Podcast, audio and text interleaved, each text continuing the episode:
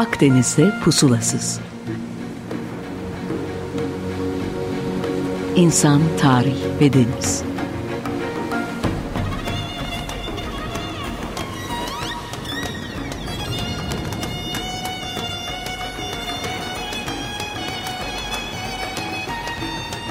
Hazırlayan ve sunan Sidar Duman.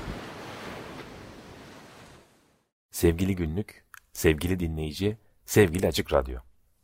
13 Şubat Dünya Radyo Günümüz kutlu olsun. Bunca farklılığımıza rağmen aynı frekansta titreşebilmişsek 26 yıldır, belki söz de uçmuyordur ne dersiniz? Evet, Akdeniz'de pusulasız başlasın artık. Ben Sidar Duman. Bugün biraz daha farklı bir program yapmak ve sorularınıza cevap vermek istiyorum. Bazı soruları affınıza sığınarak birleştirdim. Kaç tanesini de bu yayına sığdırabiliriz bilmiyorum ama belki ilerleyen günlerde değişik programlarda yapabiliriz. Neden olmasın? Ana konumuz deniz, tarih ve insan üzerine kurulu olduğuna göre denizci olmasanız bile cevaplardaki beşeri ve tarihi öğelerin ilginizi çekeceğini düşünüyorum. Soruların girişlerinde yazılmış olan övgü veya yergi kısımlarının da verimli olmak adına makasladım bilgilerinize. Hadi başlayalım. Onat sormuş. Akdeniz'de antik dönem denizcileri navigasyonu nasıl sağlıyorlardı? Ellerindeki verileri diğer nesillere ve diğer medeniyetlere nasıl aktarıyorlardı? Akdeniz'in girintili çıkıntılı yapısının navigasyona katkısı nedir? Çok fazla ada olması kafa karıştırıcı mıdır? Yoksa yer yön bulmayı kolaylaştırıcı mıdır? Kısacası Akdeniz'de pusulası seyahatin incelikleri nelerdir? Cevabım şöyle. Öncelikle pusula çok önemli bir navigasyon cihazı değil. Düşünüldüğü kadar önemli değil. Genelde bize anlatılan coğrafi keşiflerin bile pusulanın icadı sayesinde yapıldığıdır öyle değil mi? Katılmıyorum ve katılmamamın sebepleri de şöyle. Mesela Fenikeli dostlarımız Afrika'yı Portekizlilerden veya pusulanın icadından 2000 sene önce dolaşmışlardı. Şimdi size en iyi tekneyi, en iyi haritayı ve pusulayı verip bir noktaya gitmenizi isteseydim yapabilir miydiniz?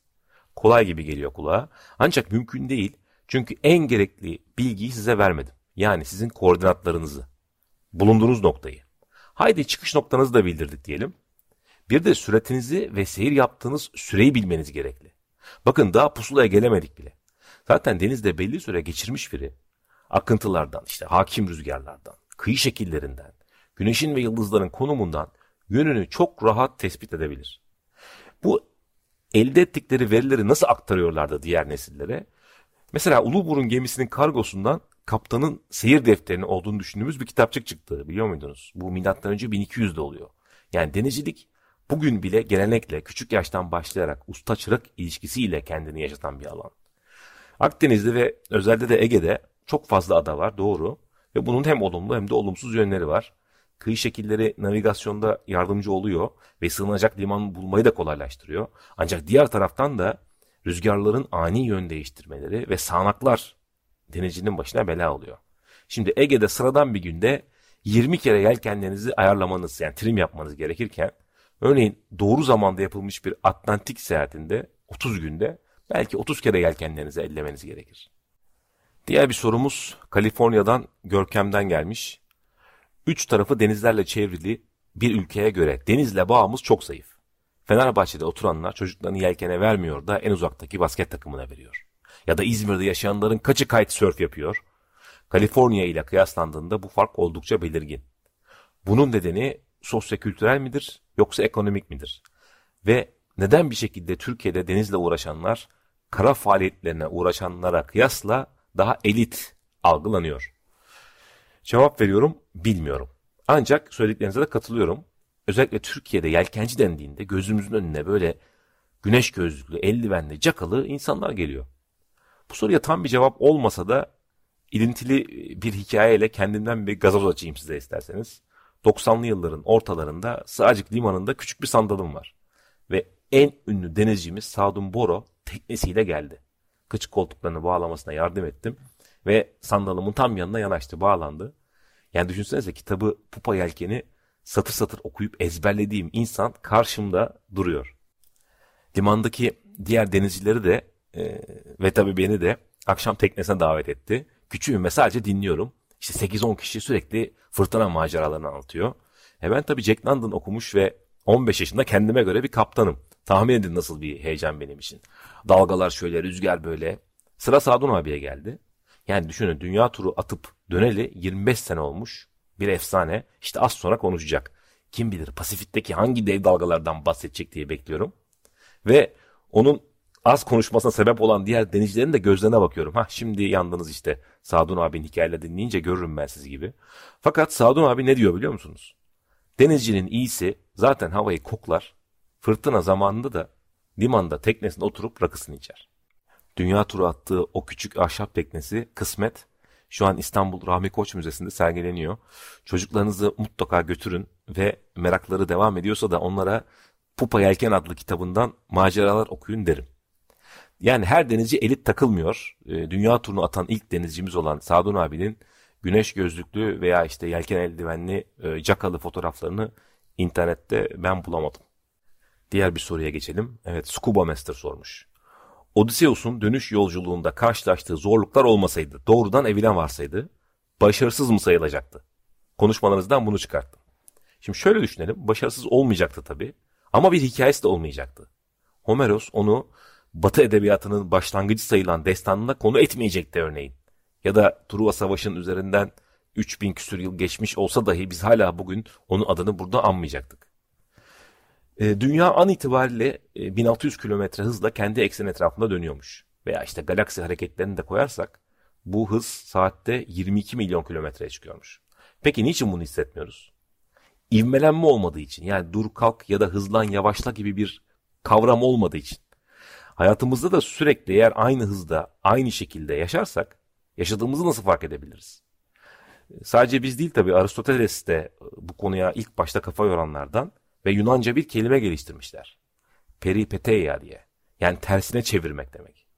Olay örgüsünün bir yerinde kahraman talihinin iyiden kötüye dönmesiyle hikayenin değişmesi. E şimdi bir roman, bir film, tiyatro veya hayat olacaksa konunun içinde bu peripeti yanında olması gerekiyor diye düşünüyorum. Yani belki diğer bir deyişle eğer Odysseus zorluklarla karşılaşmadan evine dönseydi onu başarmış saymayacaktık. Diğer sorumuz Başak'tan gelsin. E, deneysel arkeolojiden bahsederken kendi projelerinizden de e, konuşacağınızı söylemiştiniz. Fakat bu hiç gerçekleşmedi. E, doğru çünkü e, sizi ekibimizden başkaları ile tanıştırıp onlara anlattırmak istiyordum maceralarımızı. Ama isterseniz başlamamızın ardındaki itkiyi anlatmaya çalışabilirim. Şimdi sürekli önümüzde duran ve bir süre sonra da artık doğruluğundan şüphe duymadığımız bilgiler var. Mesela işte 3300 sene önce Ulubul'un gemisi Akdeniz'in şu şu limanlarına uğrayarak Kaş ilçesinin Uluburun açıklarında battı. Ya da işte İstanbul'dan hareket eden Osmanlı donanması gitti Malta'yı kuşattı. İşte biz bu noktada acaba bunlar nasıl oluyordu sorularını sorarak başladık. Ekibimizin denizcileri ilk önceleri de modern tekneler kullanarak fakat makina veya işte diğer e, enstrümanlara çok da karışmadan sadece yelken seriyle limanlara yanaşma manevraları denedik. Ve gördük ki bu iş pek öyle kolay değil.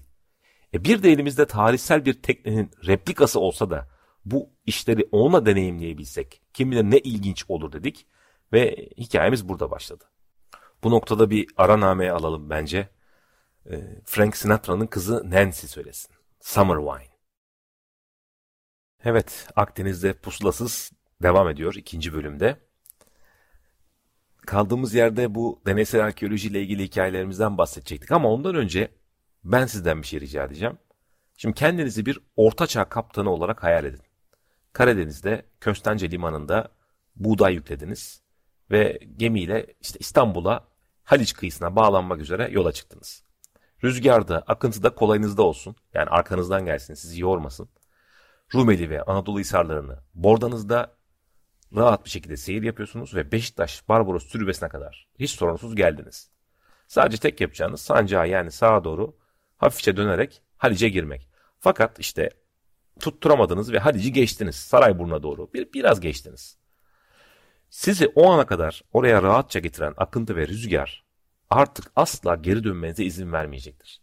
Yani Temmuz ayında geldiyseniz mesela ve Halice gelemeyip Sarayburnu'na doğru geçtiyseniz o belki de o 100-150 metreyi geri dönmek için kış lodoslarını beklemeniz gerekecektir.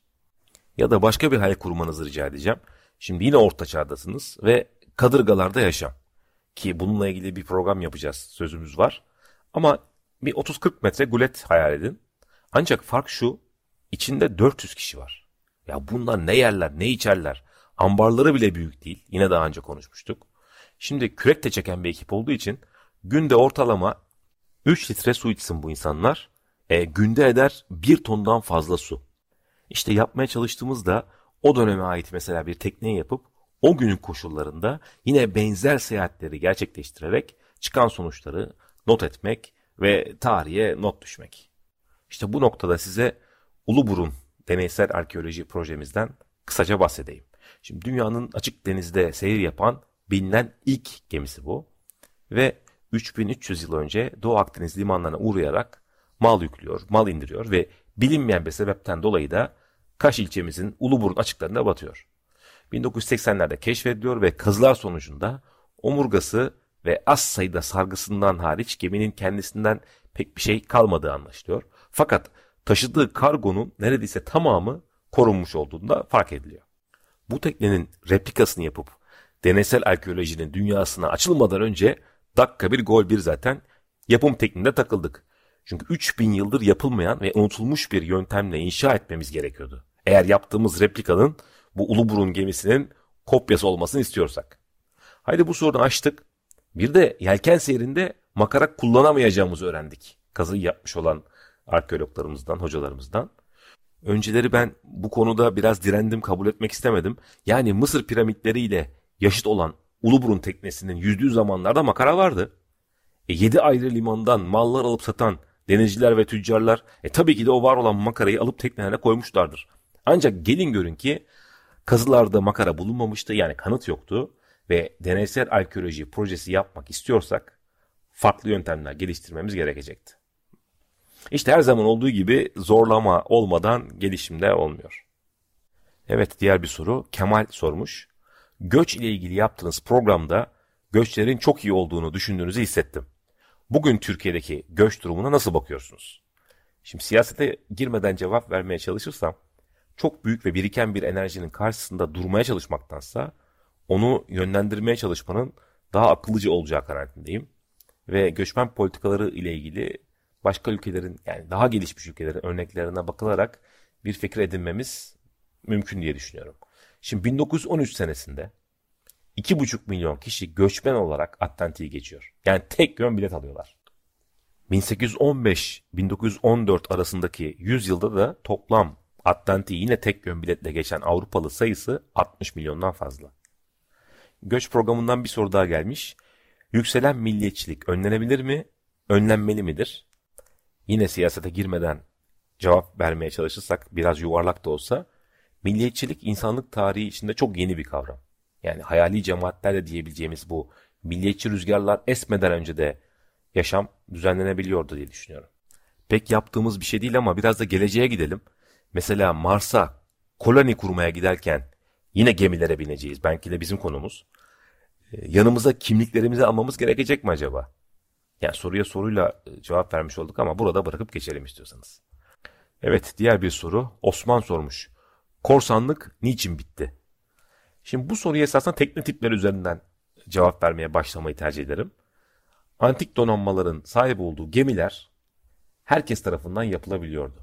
Yani korsanlar da Venedik donanması da Osmanlı donanması da çok benzer kadırgalar kullanıyorlardı. Bunların imalatları ucuz, imalat bilgileri sır değil. Ne zaman ki 1800'lerin ortalarına geliyoruz artık zırhlı gemiler ve makine gücü karşımıza çıkıyor. E tabi bu çok büyük bir yatırım, çok büyük bir bilgi birikimi gerektirdiği için devlet tekelinde bir olaydan bahsetmemiz gerek. Peki acaba bu noktadan itibaren devletlerin de korsanlaştığını düşünmemiz yerinde olur mu? Benim aklıma mesela Afyon Savaşları geliyor. Bu İngilizlerle Çinler arasında. Aynı zamanda ilk motorlu deniz savaştır bu Afyon Savaşları. İngilizler Çin'den aldıkları pirinç ve çayın parasını yine kendi sömürgeler olan Hindistan'da üretilen afyonla ödemeyi istiyorlar, zorluyorlar ve başarıyorlar da. Fakat unutmayalım afyon kullanımı Çin'de 100 yıldır da yasaklanmış. O yüzden de İngilizler en nihayetinde savaşarak bu durumu çözüyorlar. Bunun peşine bir de haberleşmede yaşanan devrimin de korsanlığa sekte vurduğunu düşünüyorum. Yani tarihin başlarından 1850'lere kadar gelen bu çok uzun dönemde bir yerden bir yere haber göndermenin bir tek yolu vardı. O da ulak kullanmaktı. Korsanlar da bu sebeple çok rahat hareket ediyor. Vurgun yapıp süratle kaçabiliyorlardı. Yani diğer donanmalar haber alıp da onları yakalayana kadar onlar geçmiş gitmiş oluyorlardı.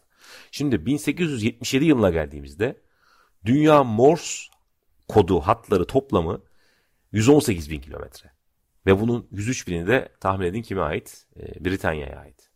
Yani bugüne de baktığımızda bence korsanlık bitmemiş de biraz daha e, devletleşmiş diye düşünüyorum. Evet, diğer bir soruyu Betül sormuş. E, tarih nerede başlar yayınınızda? Tarihi devirleri yazının icadından daha önce başlaması gerektiğini söylediniz.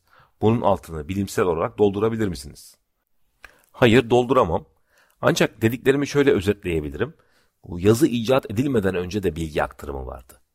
Ve hızı da o günün koşulları için gayet yeterli, yeterliydi bence. Mesela memler var. Bu Richard Dawkins'in ortaya attığı bir kültürel iletişim biçimi memler. Nesiller değiştikçe kültürel ve sosyal içerik de bir sonraki nesle memler tarafından aktarılıyor. Ee, bunlar DNA gibi mikroskop altında görülen somut bilgi kodları, ağları değil. Çok daha soyutlar. Yani sosyolojik genler belki demek olabilir mi bilmiyorum ki. Somut olan ve olmayan diye kültür varlıklarını nasıl ikiye ayırıyoruz? Bence bu aktarımlarda da DNA'lar ve memler diye ikiye ayrılabilir. Örneklendirmek istersek mesela ezgiler, sesler, düşünceler, düğünler, sloganlar, moda, mimari bunlar hep işte memlerin örnekleri. Yani genlerin işte yumurta veya spermle bir bedenden diğerine elenerek gen havuzunda işte işlem görerek geçmesi gibi memler de e, taklitle, görerek diğer nesillere beyinden beyine zıplayarak ama yine seçilerek geçiyorlar. Memlerin bu aktarımı için yazının icat edilmesine gerek yoktur. Yani pekala bunlar tarihin içindedir, konusudur ancak öncesinde değildir. Evet bugün de bana ayrılan sürenin sonuna geldik. Çok soru kaldı. E, bir program daha yapmak bu konuda artık farz oldu gibi düşünüyorum. Belki Mayıs'a doğru yaparız. Sorularınızı bana e, sidarduman.gmail adresine yazabilirsiniz. İşte programın tekrarını da Spotify'dan tabii ki dinleyebilirsiniz. Ve sevgili Açık Radyo, Dünya Radyo Günün tekrar kutlu olsun. İyi ki varsın. Görüşmek üzere sevgili dinleyiciler. Hoşçakalın.